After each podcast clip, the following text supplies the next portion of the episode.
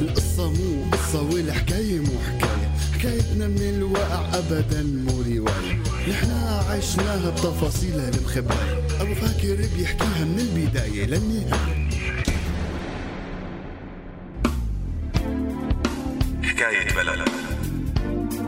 أب وأم وولد حياة جديدة بدها تنولد. حكاية سوريا الروح قبل الجسد.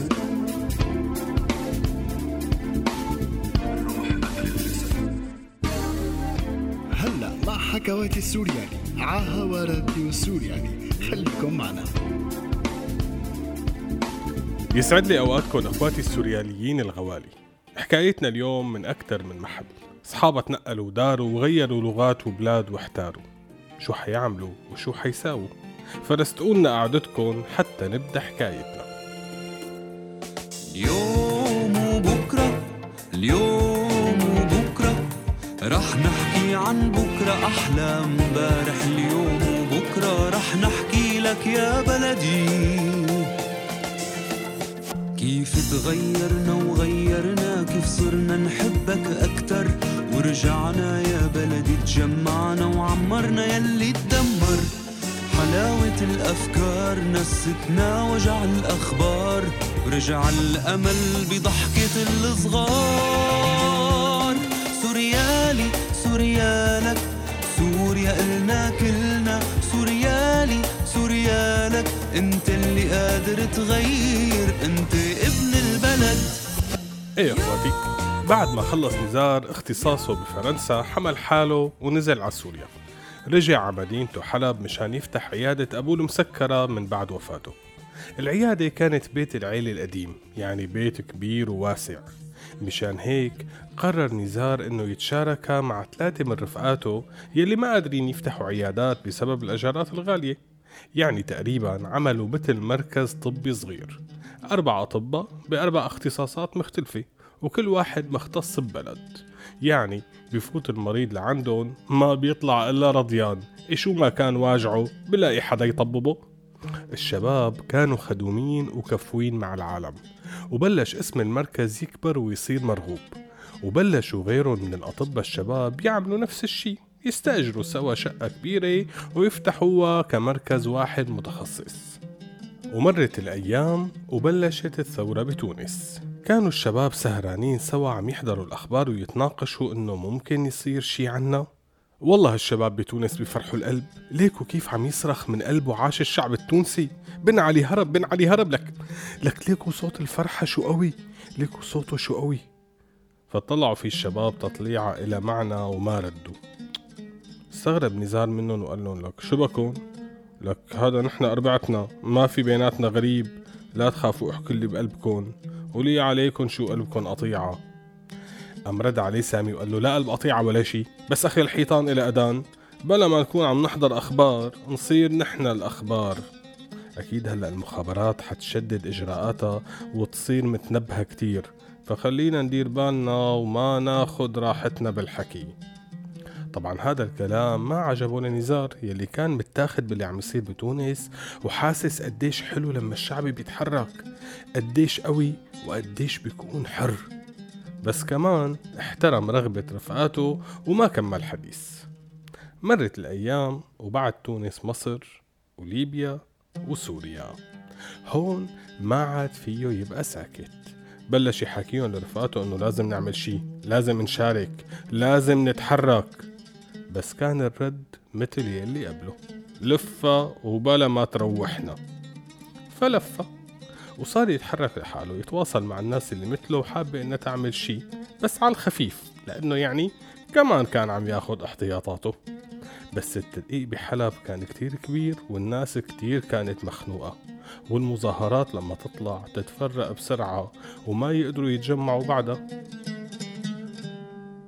مرة من المرات هرب نزار من المظاهرة بسرعة لأنه الأمن بلشوا ضرب رصاص وصار يركض بكل قوته فما لقى حاله غير واصل على العيادة. طلع بسرعة فتح الباب وتخبى جوا قال على كل حال لو كان حدا لاحقه فما حيعرف وين فات. وإذا دق الباب ما بفتح فات على غرفته وتسطح على سرير الكشف ليلقط نفسه ويهدى شوي شوي. ما بيلحق يسند راسه إلا بيسمع أصوات رجلين طالعة ركيد على الدرج وحدا بيخبط بالباب. كأنه عم يحاول يفتحه. بيقوم بسرعة برد باب غرفته وبيقعد يراقب من طرف الباب شو عم يصير. أكيد هدول الأمن. لحقوه وعرفوا هو وين. راحت عليك يا نزار. لك ليش ما رديت على الشباب؟ هلك سامي وهو يقول لك بلا ولدني خليك بحالك وأنت تنحت بدك تتظاهر. والله لا تتكسر بالفرع ويشوك شوي. شو؟ الباب انفتح انفتح بمفتاح ما انخلع مين هذا اللي فات؟ سامي.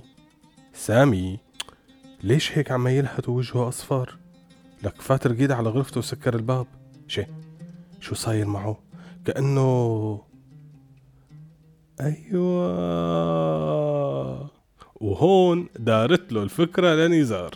شكل رفيقه سامي وهو فايت من الباب بيشبه شكل نزار وقت اللي فات قبل بشوي. اتنيناتهم كانوا راقدين ومقطوع نفسهم.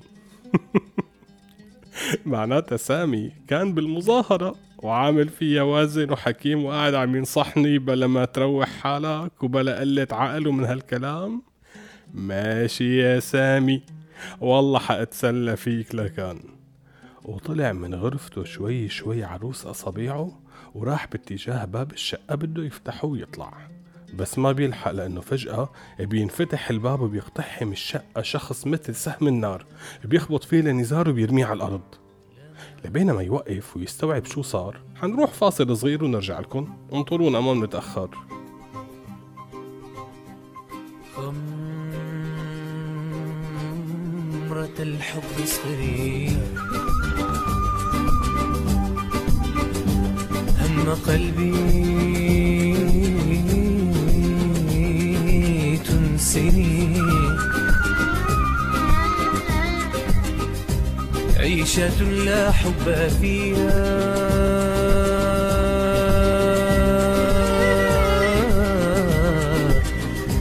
جدول لا ما فيه. جدول لا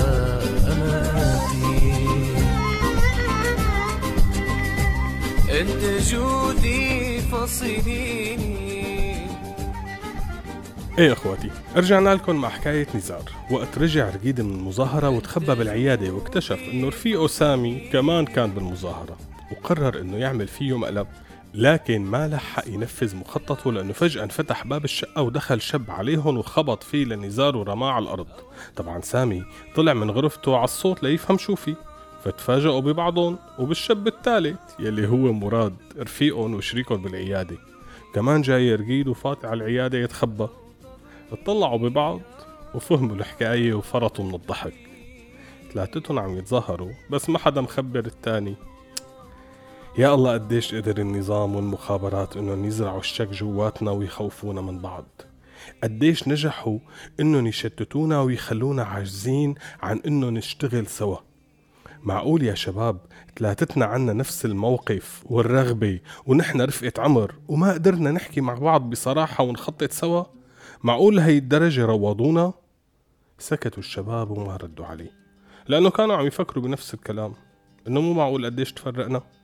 وقرروا إنه خلص لازم يشتغلوا سوا لازم يخططوا سوا. بس آه، شو مشان بكري؟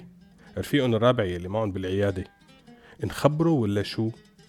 وما عرفوا شو يقرروا إنه إذا هو مو حابب فما بدنا نحرجه. بس كمان يمكن يكون عم يعمل شي مثلنا وما مخبرنا.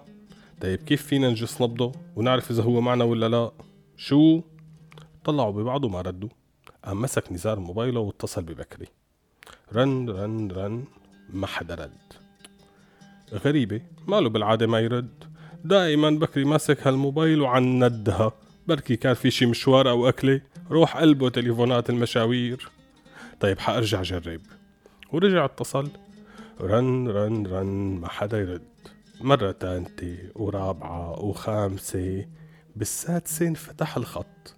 وقبل ما يلحق نزار يحكي شي بيسمع صوت على الطرف التاني عم يخانق ويهدد ويقول له والله لندعس عليكم كلكم يا عرعير والله لنجيبكم من تحت الأرض. هذا التليفون وصاحبه صاروا عنا وانتو حنمسككن واحد واحد. وسكر الخط. نزار بقي جامد مكانه وما حكى ولا كلمة. الشباب يلي كانوا سمعانين صوت العياط بس مو فهمانين الكلام استغربوا كتير وقالوا له لك شو في؟ فهمنا. شو القصة؟ ليش عم يخانق بكري؟ شبه معصب. فقال له النزار هذا مو بكري. هذا غالبا عنصر بالأمن معه موبايل بكري. بكري معتقل عندهم بكري معتقل؟ طيب ليش؟ كيف؟ شلون؟ طلع فيه النزار وقال لك شو بعرفني؟ ما فهمت شي غير إنه هو عندهم وإنه حييجوا ياخدونا واحد واحد قوموا شباب قوموا خلونا نترك العيادة ونرجع على بيوتنا على القليلة إذا إجوا على البيت بيكون شكلنا طبيعي بس إذا لقونا هون بالعيادة يوم الجمعة فأكيد حيشكوا فينا بلا ما نحكي على التليفونات بكرة بنيجي لهون عادي ومنشوف شو فينا نعمل امشوا يلا. راحوا على بيوتهم وهن مو شايفين قدامهم. إنه معقول هيك يروح رفيقهم وما يقدروا يعملوا شي؟ معقول يجوا يشحطوهم من البيت بس لأنه رفيقهم اعتقل؟ أسئلة كتيرة براس كل واحد فيهم وما حدا عنده جواب عليها. ما عرفوا كيف خلصت الليلة وطلع الصبح حتى يجوا على العيادة بسرعة. طلبوا من السكرتيرة تلغي مواعيد رفيقهم بكري لأنه مرضان ومو قدران يجي. وما صدقوا تصير استراحة الغداء حتى يفوتوا على غرفة نزار ويسكروا الباب ويقعدوا يفكروا سوا. شو نعمل يا شباب؟ سامي اقترح إنهم يسافروا فورا. خيو ما بدنا مماطلة. على الحارك بنحمل حالنا وبنطلع على تركيا قبل ما يحطوا اسمنا على الحدود. فرد عليه نزار إنه لك شو بكرو؟ ليش لنهرب يعني إذا رفيقنا التقط ضروري نحن نلتقط بالعكس إذا سافرنا بنكون عم نثبت علينا التهمة ونأكد لهم إننا خايفين. معناتها عاملين شي. لا أنا برأيي نبقى ونتصرف عادي ولا كانه في شي لبينا ما نفهم شو عامل بكري. لك شو بده يكون عامل؟ رد عليه مراد. يعني بكري وبتعرفوه. سقفة بيكون طلع بالمظاهرة ولقطوه هنيك. بس أنا مع رأي نزار. خلص خلونا ننطر ونشوف. وفعلا قرروا ينطروا ويشوفوا شو حيصير. ومر أسبوع ورا التاني تالت رابع ما في لا حس ولا خبر. أهله لبكري ما تركوا حدا بيعرفوه إلا وسطوه مشان يفهم لهم شو الحكاية. بس ما كان حدا يرد عليهم ولا يجيب لهم جواب. هيك لبعد شي ثلاثة شهور بيطلع بكري وبيرجع على البيت. بس بيرجع حدا تاني. نحفان كتير وجسمه مكسر من الضرب والتعذيب وما عم يحكي. راحوا الشباب فورا لعنده ليفهموا منه شو القصة. بس ما كان قدران يحكي مع حدا. بس قبل بعد كتير ضغط إنه يسمح لهم ياخدوه على العيادة مشان يعملوا له فحوصات وصور ليتأكدوا إذا في كسور أو تمزق داخلي أو شي لازمه جراحة. الحمد لله ما في شي خطير بس أكيد لازمه راحة وعلاج جسدي ونفسي. قرروا إنهم ما يحكوا معه حتى يرجع يستقر شوي. ومرت أيام ورا أيام فجأة بتجيهم رسالة منه بتقول إنه هو مو قادر يتحمل الوضع بقى ما قدران يبقى. خلص. طالع على تركيا باي يا شباب. بينصدموا بالرسالة وبيحاولوا يحاكوه بس الخط بيكون مسكر. بيسافر رفيقهم بكري بدون ما يعرفوا شو صار معه.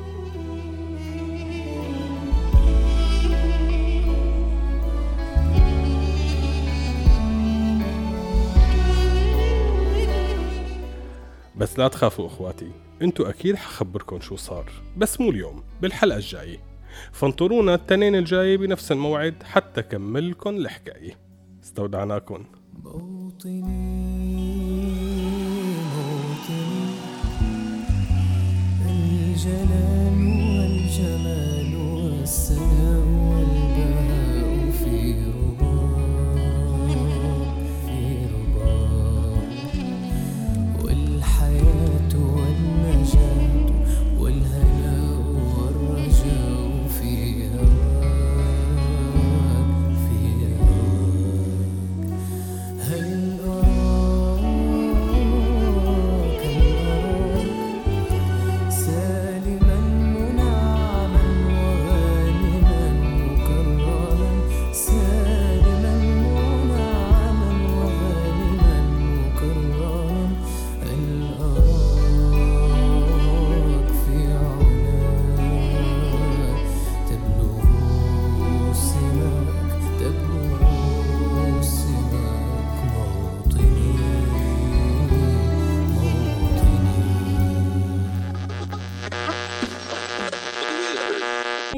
هذا البرنامج من إنتاج راديو سوريالي 2015 عم تسمعوا راديو سوريالي.